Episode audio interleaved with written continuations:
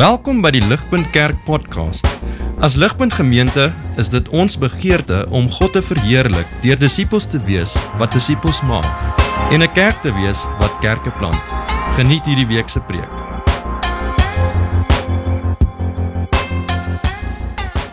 Ek wil begin om om 'n 'n woord te te definieer en en die woord is die woord deurbraak of in Engels is die woord breakthrough. Nou ek dink baie van ons ken hierdie woord breakthrough as um iewers deur 'n week waar jy dalk struggle met 'n projek en jy voel hoor jy het 'n breakthrough gemaak en dinge gaan regtig beter en jy raak opgewonde of um daar waar jy leer vir 'n toets en jy jy weet soos jy sukkel jy sukkel sukkel maar iewers kom daar 'n breakthrough. Um en ons verskeie maniere hoe ons kan voel ons deurbrake maak in die lewe um of in ons alledaagse dinge. Maar die woord deurbraak of breakthrough is actually soos 'n militêre konsep. Dit kom actually van die oorlog af.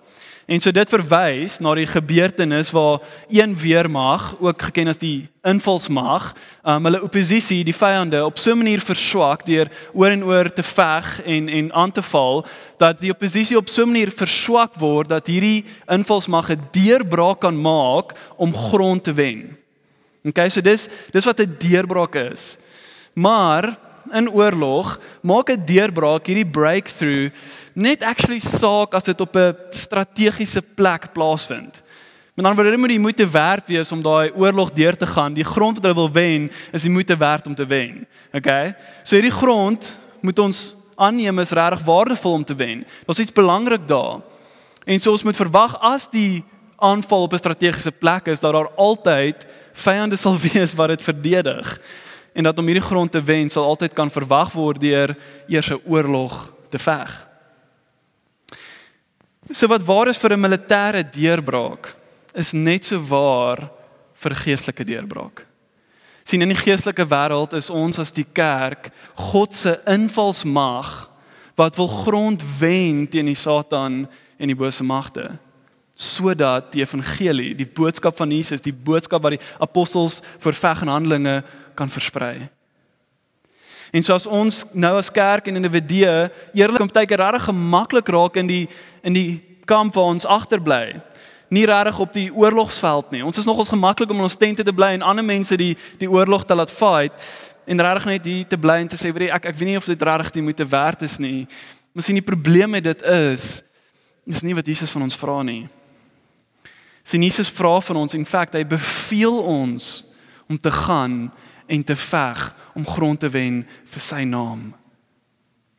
En hy gee sy Heilige Gees krag vir ons om hierdie te kan doen. En so my vraag aan ons is is is ons besig daarmee? Is ons besig om ywerig grond te wil wen vir Christus en vir wat hy vir ons gedoen het? Of bly ons agter in die kamp waar ons veilig en gemaklik voel? Dalk 'n beter vraag is is hoe wen ons grond vir Christus? Hoe gaan ons en hou oorlog sodat die goeie nuus van Jesus actually kan versprei en ons grond kan wen? En so ek wil hierdie twee vrae moet julle in julle kop hou soos ons deur ons teks gaan vanaand. Een is bevra jouself of is ek besig om te wil grondwen vir Christus? En soos jy daai vraag in jou kop hou, dink ek, okay, maar hoe kan ek hierdie doen? En hoor uit vanaand se teks hoe ons hierdie as kerk en individue kan doen. So ek wil ons 'n bietjie konteks gee wat ons kry in Handelinge en gesien het van die begin af en ek het nou nou genoem is dat daar vir die disippels beveel was heel aan die begin om getuies te wees oral waar hulle gaan en dat die krag van die Heilige Gees op hulle sal neerkom sodat hulle hierdie getuies kan wees tot die eindhoeke van die wêreld. En ons sien dat die missie van Handelinge is met ander woorde om grond te wen. Dis die missie. En as dit die missie is van Handelinge en van die vroeë kerk, glo ek dis die missie vir ons vandag. Maar sien ons moenie verwag dat dit net smooth sailing gaan wees nie. Nee, oorlog is nie maklik nie. Maar gelukkig sien ons in hoofstuk 4 en die tema van Handelinge ook in hoofstuk 5 dat die evangelie keer op keer seëvier en wen ten spyte van teens teenkant. En so dit gee vir ons hoop en en regtig goeie um goeie nuus om die evangelie te vat en grond te kan wen. So die eerste keer wat ons sien die oppositie van die verspreiding um van die evangelie gekeer is is actually in Handelinge 4. En dan daar waar daar oppositie was, tree God actually in op so 'n manier dat die gebou waar die disippels was so geruk was en hulle spesiale seëning van die Heilige Gees gekry het. En dit het die disippels boldness gegee om die woord, God se woord, naamlik Jesus te gaan verkondig. Dan, dit was die eerste keer wanneer ons die reinheid van God en dan weer God se purity in die kerk bedreig was deur Ananias en Safira wat ons laasweek gesien het met Johan se preek kom God weer en deur die profetiese insig van Petrus gee God oordeel en Ananias en Safira val neer dood. En dan nog 'n keer wanneer daar weer moeilikheid is en dit sien ons in vanaand se teks van die owerhede kom tree God weer in en hierdie keer deur 'n Joodse autoriteit genaamd Gamaliel. En so ons gedeelte vanaand eindig met 'n verslag dat die publieke en persoonlike evangelisasie onophoudelik aangehou het. Met ander woorde, daar is aanhou grond gewen vir Christus ten spyte van die oppositie en teenskant teenkant van die vyand. En so die die hoofidee, die die tema, die die hoofkonsep wat ek wil hê ons vanaand oor en oor gaan moet sien is dat God intree. En wanneer God intree, beweeg die evangelie vorentoe en verder. Dis wat ons gaan sien oor en oor, wanneer God intree, gaan die evangelie en dit beweeg vorentoe en verder. So, kom ons vat die vergrootglas en ons zoom bietjie in op ons storie vanaand, want dit was dis wat dit is.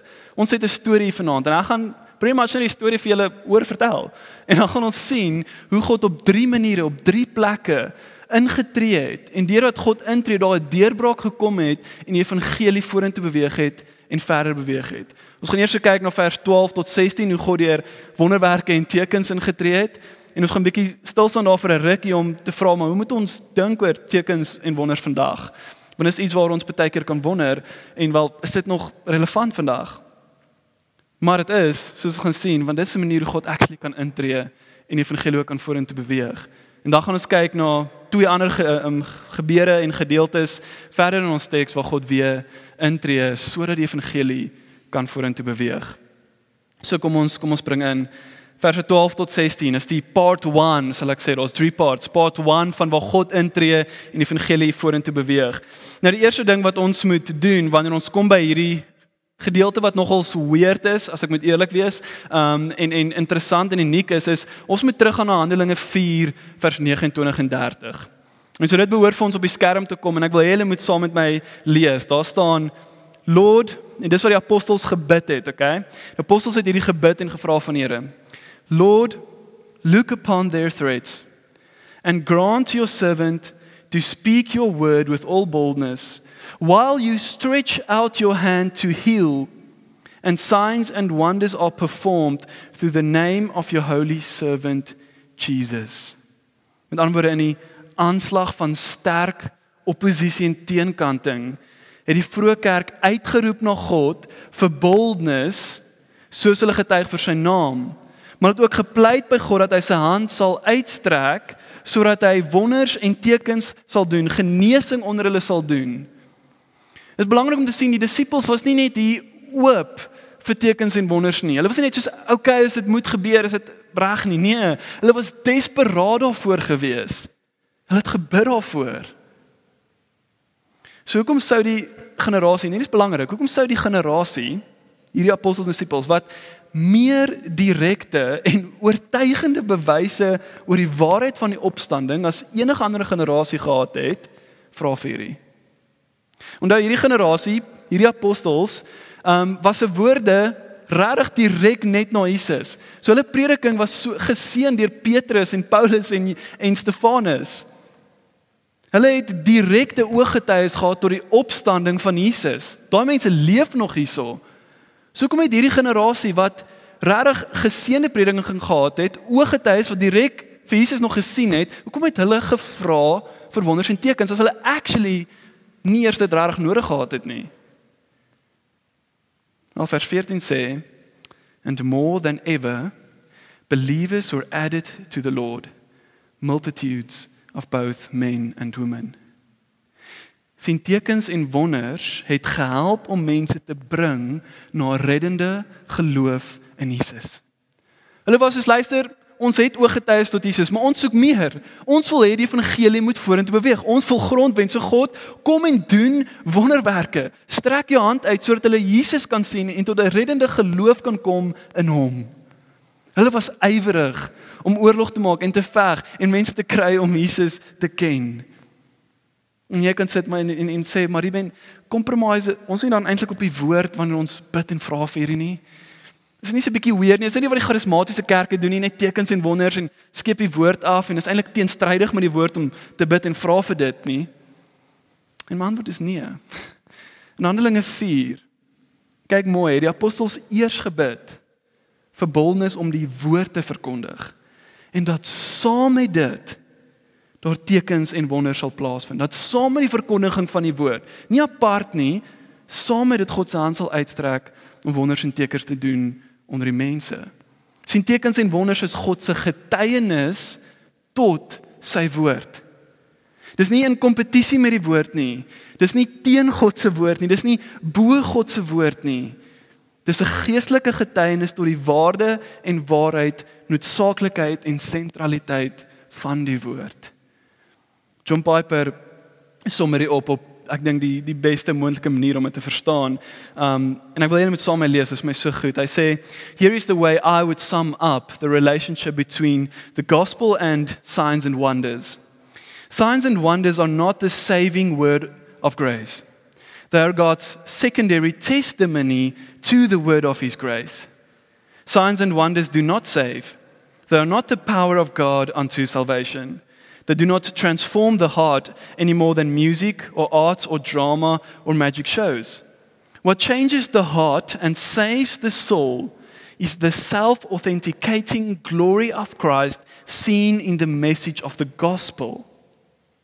But even if signs and wonders can't save the soul, they can, if God pleases, shatter the shell of disinterest They can shatter the shell of cynicism. They can shatter the shell of false religion. Like every other good witness to the word of grace, they can help the fallen heart to fix its gaze on the gospel where the soul saving, self authenticating glory of the Lord shines. Wat ek vir ons wil wys is dat as die apostels en volgelinge van Jesus gebid het vir tekens en wonders in 'n tyd direk na Jesus se opstanding met die mees authoritative preaching as ons dit so kan sê dan moet ons nie huiwer om ook te bid en te vra dat God se hand uitsteek om tekens en wonders en genesings onder ons te doen vandag nie. En jy kan dalk met my verskil en sê maar dis weird en en hoekom maar ek wil ek wil ons challenge met aanhalings van die bekende Martin Lloyd Jones een van die bekendste teoloë. Hy sê en ek het drie aanhalinge uit drie verskillende boeke van hom. Hy sê it is perfectly clear that in New Testament times the gospel was authenticated in this way by signs, wonders and miracles of various characters and descriptions. Was it only meant to be true of the early church? The scriptures never anywhere say that these things were only temporary. Never. There is no such statement anywhere. We can produce a number of converts and thank God for that. And that goes on regularly in evangelical churches every Sunday. But the need today is much too great for that. The need today is for an authentication of God, of the supernatural, of the spiritual, of the eternal, and this can only be answered by God graciously hearing our cry and shedding forth again His Spirit upon us and filling us as He kept filling the early church. Last year, what is needed is some mighty demonstration of the power of God, some enactment of the Almighty that will compel people to pay attention and to look and to listen. That is why I am urging you to pray for this. When God acts, He can do more in a minute than man with his organizing can do in 50 years. As God intree, sal die evangelie deurbreek. Maar ons moet bid hiervoor. Ywerig bid hiervoor. En ek sal aan die einde meer oor dit sê en en waarskynlik Woensdag met vas gaan ons bid vir hierdie. Maar ons moet nie bang wees om te bid vir die krag van God om onder ons en in ons te werk nie. Want deur te bid wen ons grond. Jy wonder hoe wen ons grond? Hoe veg ons die oorlog? Ons bid dat God intree. Want as God nie intree nie, gaan ons nie die oorlog wen nie. So ons bid. Vra dat God intree op bonatuurlike maniere sodat ons kan grond wen vir sy naam. Ek wil aanbeweeg na na verse 17 tot 42 en binnekort kom ons by part 2 van van hoe God intree in reaksie tot al hierdie in reaksie tot die wonders en tekens en genesings wat ons sien in verse 16 um tot ek dink 24 of iets. Um sien ons dat hoor Jesus die die hoëpriesters en die Joodse raad het, het dit nie baie gelaik nie. Um hulle sien die apostels is regtig suksesvol in wat hulle doen en mense begin al hoe meer hulle volg en wat gebeur is die um status van hierdie hoëpriesters en Joodse raad is nie meer hoog nie. En so obviously is hulle jaloers, ons sien dit in vers 17 en en hulle hou nie baie van wat hier aangaan nie want die sukses van die apostels maak dat die Joodse leiers hulle krag en beheer oor die mense verloor. En so wat hulle probeer doen dan is hulle reageer in krag maar nie in geestelike krag nie, in politieke krag. En so die apostels is toe gearresteer en gegooi in die tronk. En nou kom ons by part 2 van waar God weer intree sodat sy evangelie kan vorentoe beweeg. Vers 19 wys ons God tree in deur seker te maak die evangelie beweeg vorentoe en daarom stuur hy 'n engel van die Here, engel om die apostels uit die tronk te red. So engel kom en hy haal die apostels uit. Hy sê kom, ek wil julle uitkry. Maar wat sê hy vir hulle? Hy beveel hulle dadelik Luister as die die dag begin, wil ek hê julle moet gaan staan in die tempelkoorts en gaan preek the words of this life. Dis die eerste ding wat die engel vir hulle sê. Dis nie soos hoorie ek weet julle is regtig moeg, um, dis soos middel van die nag. Chill, vat die volgende dag af, slaap 'n bietjie. Nee nee, soos hoorie as daai lig skyn, julle pretty much dalk soos 2, 3 ure se slaap dalk. Ehm um, gaan weer en doen dieselfde ding waarvoor hulle julle ingegooi het. Soos presies dieselfde ding. Gaan doen dit weer. In die tempelkoorts waar almal kan sien, preek the words of this life. Met ander woorde wat die engel vir hulle sê is moenie compromise op die waarheid nie.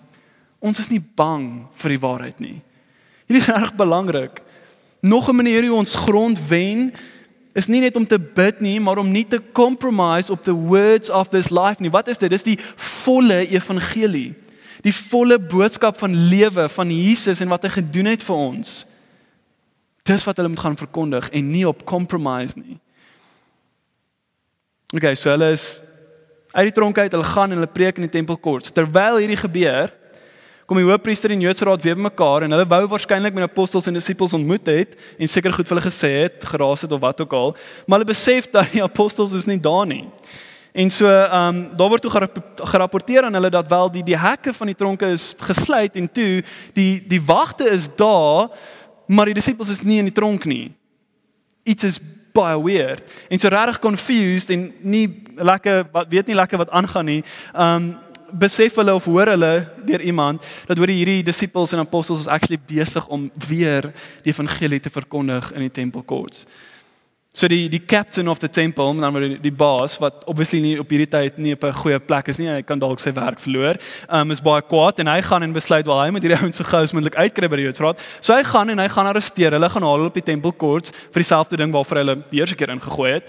En hy bring hulle na die hoofpriester en die Joodse raad en hulle sê vir hulle luister hier, ons het julle regtig mooi gevra om nie hierdie te doen nie. Ons het julle soos direk gevra om moenie hierdie doen nie. Um en hulle is baie kwaad en en nie baie happy nie. En dan kom Petrus en hy doen iets wat um ek dink regtig ironies is, um maar eintlik soos amazing is. Petrus gaan en dieselfde ding waarvoor hulle aan die eerste plek ingooi is in die tronk en nou weer gearresteer is, sê net weer vir hulle in die council. So hulle het hom gaan haal en Petrus sê soos, "Oké, ek gaan weer vir julle sê dit wat ons nog die hele tyd sê, want ek sien hier is 'n goeie geleentheid vir julle om die evangelie te hoor." En so om hierdie in konteks te stel, ek weet nie hoekom ek aan hierdie illustrasie gedink het nie, maar just bear with me. So ek weet nie wie van julle weet wat 'n perlemoenie. Um dis soos 'n ding wat jy in die see kry wat so reg lekker is as jy hom gaar maak. Maar dit is kan of onwettig om dit nou uit te duik, soos mense mag dit nie doen nie. Um so imagine jy gaan en jy duik 'n perlemoen uit, okay? Jy word gevang vir dit deur kom ons sê die polisie, die authorities en hulle sit jou in die tronk vir dit.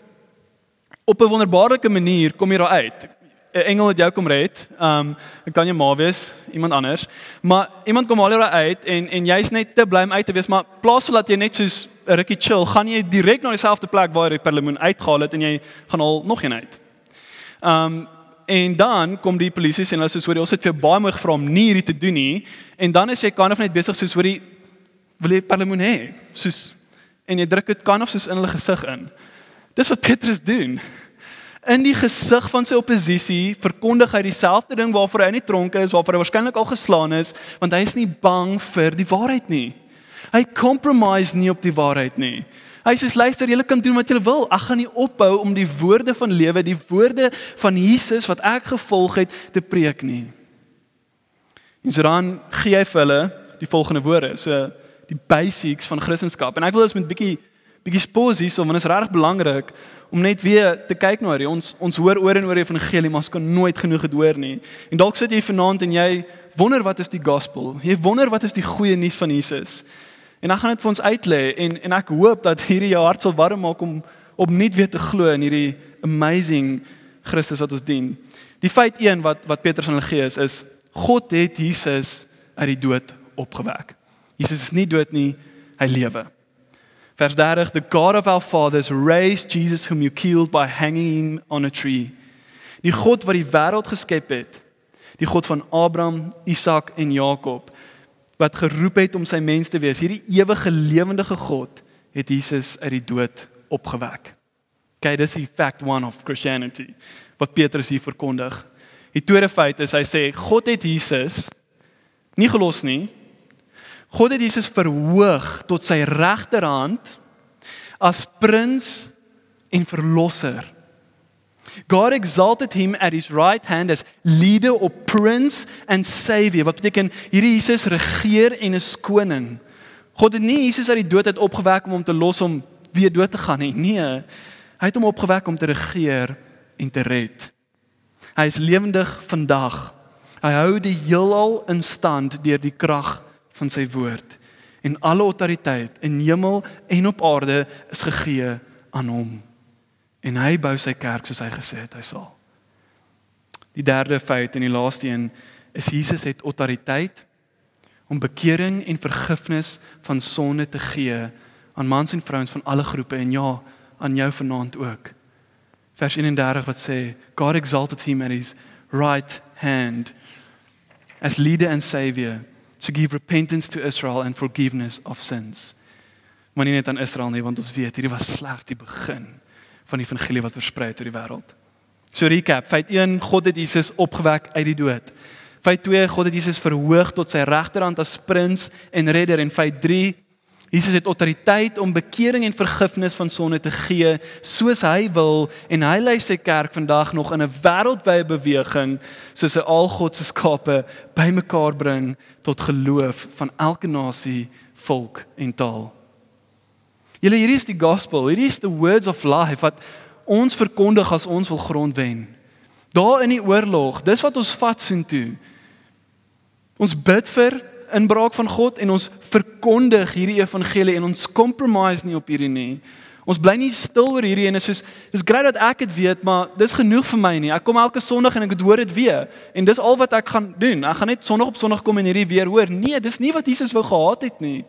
Hy het gesê ons 6 dae van die week waar jy kan gaan en hierdie verkondig aan ander mense. Doen dit. Dis hoe ons veg en grondwen vir Christus. Hy beveel ons om te gaan en hierdie te doen. So terug by die storie. In reaksie um op hierdie woorde van Petrus, soos ons die prentjie gehad het per lemoen in hulle gesig druk, kind of idee. Um is dit nie verbasend dat die Sanhedrin en die Joodse raad pretty kwaad is nie. Okay, hulle is woedend. Um hulle wil hulle doodmaak. So hulle is soos op die punt om Petrus en hulle almal dood te maak want dit is soos die derde keer wat hulle net doen wat hulle sommer vra het vir hom nie te doen nie. Um en dan kry ons 'n amazing gebeurtenis waar God weer intree sodat die evangelie vorentoe beweeg. Part 3. Okay, part 3. Vers 34 sien ons God gebruik 'n man met die naam Gamaliel om hierdie woede van die Joodse raad te bedaar. So om agtergrond te gee, Gamaliel word beskryf hier as 'n leraar van die wet, maar hy's ook gesien as soos die greatest teacher of his era, okay? Hy was in high esteem onder die mense. Hy's amper soos die simbool van fariseërs gewees of fariseïsme. Um en, en ek het selfs gelees selfs Paulus actually voor hy gered was, het onder Gamaliel geleer. Okay? So Gamaliel was 'n man van hoë aansien en hy het die wet geken van voor tot agter. Um so toe Gamaliel besef dat hierdie apostels het wel klomp wonderwerke en genesings gedoen en hulle het hier gekom op een of ander wonderbaarlike manier, toe besef hy wel dalk net dalk is is God hier aan die werk met een of ander beweging. En hy besluit toe luister um Joodse raad kom ons laat hierdie disippels net gou vir 'n rukkie buite staan. Ek moet vir hulle iets sê. En so hulle staan 'n bietjie buite en hy praat en hy sê ek wil hê julle moet pas op wat julle doen want en dan begin hy twee stories vertel van twee manne okay en hy sê Judas en Judas en sê altyd van hulle het probeer om iets te wees hulle het geklaim hulle is iemand een of ander fancy persoon ons weet nie presies wat nie okay maar hulle het 'n following gekry mense het begin volg en hulle het goed gesê Maar wat het gebeur? Hy sê die een is vermoor en die ander het net verdwyn van die is altyd dood gegaan. En al hulle volgelinge het ook verdwyn. Daar's niks van hulle nie. OK. So dan sê hy in die volgende woorde en ek dink dis regtig um amazing. Ek wil julle moet eintlik saam met my lees. Ek dink dit is vers 38. Op hierdie sê hy met die twee manne wat se bewegings niks van gekom het nie. So in the present case I tell you, keep away from these men and let them alone. For if this plan or this undertaking is of man, it will fail. But if it is of God, you will not be able to overthrow them. You might even be found opposing God. So Gamaliel is oortuig dat God sal deur sy soewereiniteit wys of hierdie beweging van hom af is of nie dat waar die apostels en disippels hiermee besig is, God sal wys of dit is van hom af of nie. En God het God het. As jy ooit gewonder het of God werklik is of die een ware God is van die heelal, gaan 'n bietjie terug in geskiedenis en kyk wat het gebeur met Christendom. Versprei oor die wêreld teen teen alle oppositie, teen elke moontlike teenkanting wat kan plaasvind, het Christendom geseëvier dat dit vandag tans die grootste beweging is ter wêreld. Geen ander geloof is naby Christendom nie. God se beweging was van hom af, nie van mens af nie. Want elke keer wanneer daar oppositie of teenkanting gekom het om dalk Christendom te stop, wat het God gedoen? Hy het ingetree. God het ingetree. Sy evangelie kan vorentoe beweeg. So die Joodse raad het het geluister na Gamaliel en en wat hy vir hulle gesê het want dit was actually interessant genoeg 'n bekende leer onder die fariseërs gewees dat ehm um, wat God sal doen sal altyd oorheers teenoor wat mens sal doen. Hulle het geglo, hulle het geglo dat as God iets beplan, sal dit seëvier teenoor die mens. So hulle sê, "Oké, okay, as Gamaliel reg is, my is waarskynlik want hy's een van die slimstes, kom ons luister maar na hom." En so wat hulle dan doen is, um hulle besluit om nie die apostels dood te maak nie, maar hulle het nog steeds die apostels gegeesel en geslaan en eintlik gemartel, maar het hulle lewend gelos en toe beveel hoor jy moet asseblief nie weer gaan verkondig nie. Um maar dan is dit verbasend vir ons om te sien en en hier is die einde van ons storie, die apostels rejoice. Nou al die rejoice hulle na hulle geslaan is. Hoekom? Omdat hulle dit as waardig ag om vir Jesus se naam lyding deur te gaan. Soos hulle is nou net geslaan hulle kom maar weg en hulle sê, "Yes! Amazing! Ek het swaar gekry en lyding deur gegaan vir Jesus se naam. Die Jesus wat vir my op die kruis gesterf het. Wat 'n voorreg, wat 'n eer. What a joy. Om te ly vir Christus is 'n eer wat vreugde voortbring. En ons sal nou net weer bietjie op dit stil staan. En so na die die um, apostels of die Joodse raad hulle mooi gevra om nie die evangelie te verkondig nie, sien ons die teks eindig in vers 42. And every day in the temple and from house to house they did not cease teaching and preaching that the Christ is Jesus. Want God het ingetree en die evangelie het vorentoe beweeg. Ons sien hierdie so duidelik in vanaand se teks. So ek wil dit bietjie nader ons trek. Ons het op drie maniere gesien hoe God intree en deurbreek sodat die verkondiging van die evangelie sal vorentoe gaan, sodat die naam van Jesus versprei sal word, sodat ons vandag hier sit te danke aan wat hier gebeur het en kan hoor wie Jesus is. Ons het duidelik gesien dat God is die een wat intree en deurbreek. Maar ons sien ook dat sy storie word gebruik en gevorm deur mense soos ek en jy. sien ons is God se voertuie. God gebruik ons om sy woord en sy naam en die goeie nuus van wat Jesus gedoen het vorentoe te vat. Ja, hy's die een wat intree en hy's die een wat deurbreek. Maar hy gebruik ons as sy voertuie. En so moet ons reageer op hierdie. Wat doen ons met dit? Ek het drie goed wat ek dink van toepassing is en ek hoop dit help. Die eerste een is ek glo ons bid dat God sal intree en deurbreek in ons midde. Ek het genoem aan die begin en ek wil dit weer noem. Ons moet bid dat God se hand sal uitstrek om bekering te bring onder ons in Pretoria waar ons gaan. Ons moet bid dat God wonders en tekens doen. Hoe ook al dit lyk, ek weet nie presies hoe dit sal lyk nie. Maar ons moet nie bang wees om te bid vir dit nie en te vra vir dit nie. As jy weet iemand is siek, bid vir hulle. As jy weet iemand sukkel, bid vir hulle. Bid dat die Gees sal kom en deurbreek in jou gesinsgroep, in jou huis, in jou werksplek, hier in aandiens. Jy moenie bang wees nie. En kom ons onthou dat wanneer dinge dalk nie gebeur soos ons wil hê dit moet nie, dat iets waarvan ons bid nie presies gebeur soos ons wil hê dit moet nie, dat God is soewerein. En God is besig om hierdie beweging vorentoe te vat op sy terme. En hy weet wat hy doen. Hy weet waar's die strategiese plek om oorlog te wen. En baie keer weet ons nie of ons voel maar daarsou moet God wen en hy sien die groter prentjie. Hy sien die hele oorlogsveld. So kom ons vertrou hom. Dat al gebeur dit nie presies soos ons wil hê nie, dat hy weet wat hy doen, maar ons bid. Dis wat ons kan doen. Ons kan bid en vra dat hy deurbreek deur sy gees. En dalk sit jy en jy's bang vir hierdie goed. Hierdie klink goed klink weer vir jou. En jy's dalk selfs bang vir die werk van die gees en ek weet ek is soms bang vir dit. Ek weet nie hoe dit tydker sal lyk nie. Dan's dalk 'n beginplek vir jou om te bid dat die Gees sal deurbreek in jou hart en in jou lewe. En jy 'n nuwe verstaan sal kry van hoe die Gees werk en en wie hy is. Dis my gebed vir julle en vir, vir myself. Dat ons bid en ontvanklik sal wees dat die krag van die Gees ons sal vul want ons vergeet so maklik dat dieselfde krag van die Gees wat Jesus uit die dood uit opgewek het is in ons. Wat doen ons daarmee? Moenie bang wees om te vra dat die Gees nuwe lewe in jou en rondom jou sal blaas nie. Ek glo ons sal verbaas wees.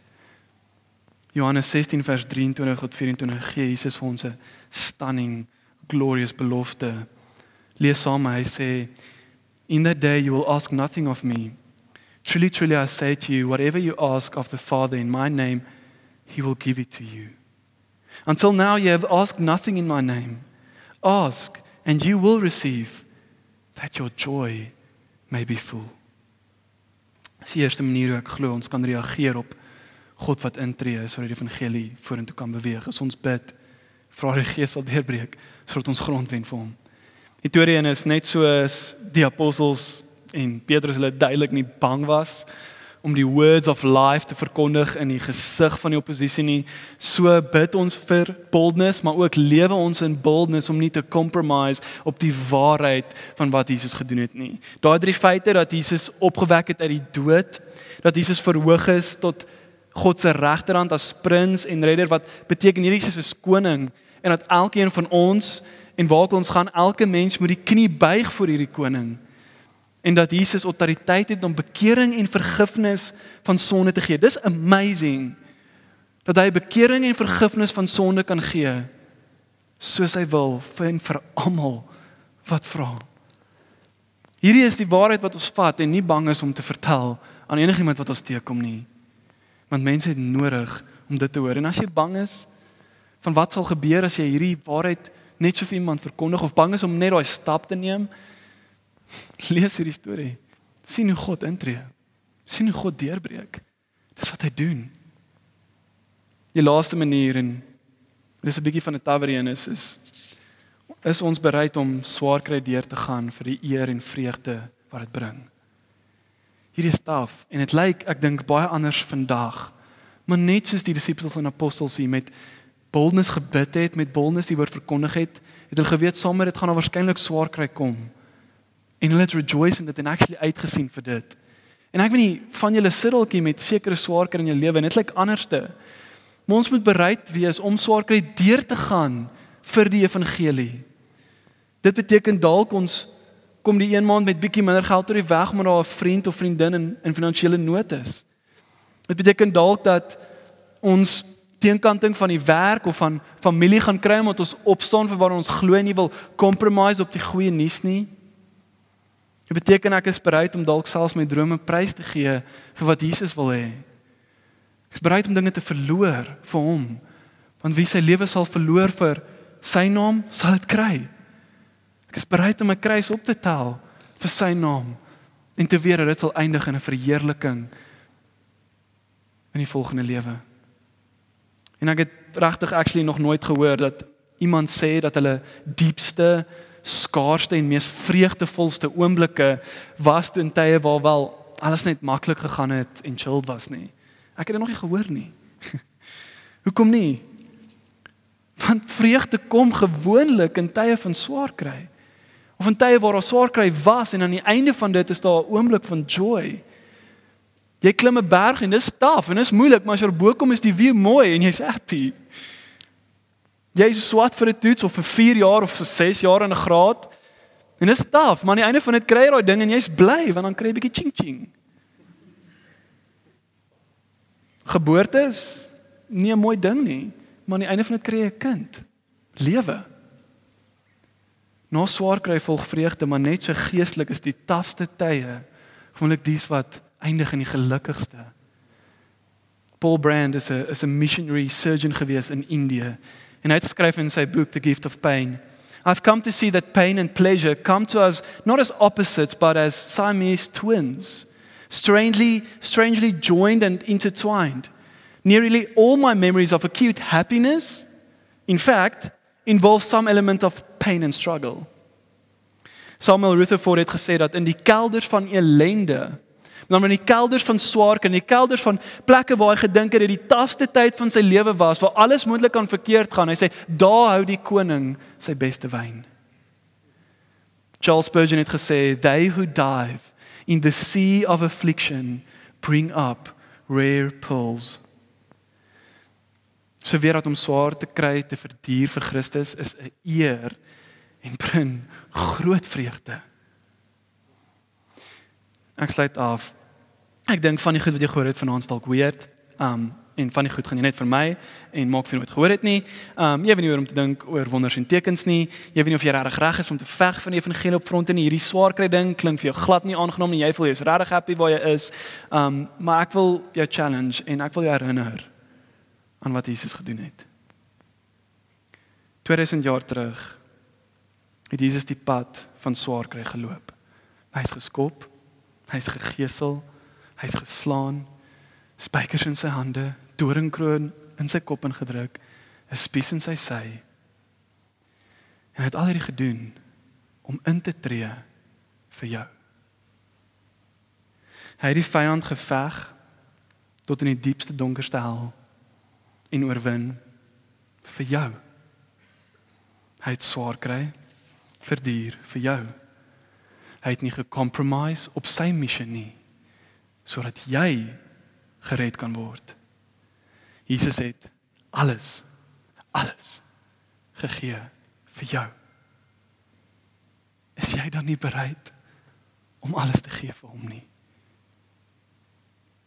Jesus het die grootste deurbraak gemaak op die kruis in die geskiedenis van alle tye om jou te wen. Gaan jy nou en wen grond vir hom? En as jy bang is of twyfel, kyk na die kruis en kyk na wat hy gedoen het vir jou. Kyk na die storie van die gospel, kyk na die storie van Handelinge en van die disippels en mag dit jou bemoedig dat jy weet dat hierdie is die boodskap wat op jou van toepassing is, op my van toepassing is. Dat hierdie boodskap, hierdie wat ons sien in Handelinge, dis nie oud en vergete nie. Dis nie iets wat net daar is in die verte en niks met ons te doen het nie. Nee, ons moet dit vat en dit uitleef en dit glo want dit is van toepassing op ons nou en vandag. Dit wat ons gehoor het vanaand, moet jy nie net sien as in 'n boek iewers en dis 'n storie wat dalk gelink is met jou nie. Nee, dis nie die waarheid nie. Ek sluit af met met 'n quote van Patrick Schreiner wat gekommenteer het op op aanling en hy sê it's message Hierdie boodskap van vanaand. Die boodskap van die evangelie ook actually. It can't be locked in the past. Its accomplishments, it can't be relegated to a bygone era. Its miracles, it can't be separated to another age. The same Spirit is still active, the same Christ still rules, and the same God still sustains his church. Kom ons bid. Ja, magtige Hemel, Vader, ons ons kom na U en Here, ek weet nie hoe hoe hierdie woorde geland het nie, Here, maar U is soewerein en U Gees werk en ek wil bid gebruik hierdie. Here mag ons se kerk wees, mag ons se mense wees wat nie bang is om te bid en te vra dat die Gees sal werk in ons midde nie. Here, ons weet nie hoe dit lyk nie. Ons is dalk bang vir dit, maar kom help ons in dit. Kom lei ons in dit, Here. Kom help ons om sekuriteit te vind in wat Jesus vir ons gedoen het. Om te sien dat ons kan vertrou op U maak saak wat nie. Help ons om poor in spirit te wees. Sodat ons afhanklik kan bly van die God van die heelal. Laat ons beheer verloor sodat ons weet U kan beheer neem. En dis oukei okay as ons nie altyd in beheer is nie. Want Here, dis wanneer U kan gaan en die oorlog wen. En Here kom tree in en breek deur deur die evangelie in ons midde. Here, gebruik ons as U voertuie, gebruik ons as 'n gemeente en as 'n mense om hierdie werk vir U te doen, om nie bang te wees om te compromise op die waarheid nie. Om nie bang te wees om te bid en te vra dat U sal intree nie en nie bang te wees om swaar kry te verduur, hoe ook al dit lyk in ons lewens vir U naam nie. Want Here, wanneer ons hierdie swaar kry deur gaan, word nie net ons vreugde gevul nie, Here, maar ons wen grond. Ons wen grond vir U naam. Here, mag dit ons missie wees vanaand en altyd. In Jesus se naam. Amen. Vir meer inligting oor Ligpunt Kerk, besoek gerus ons webwerf op www.ligpunt.com of kontak ons gerus by info@ligpunt.com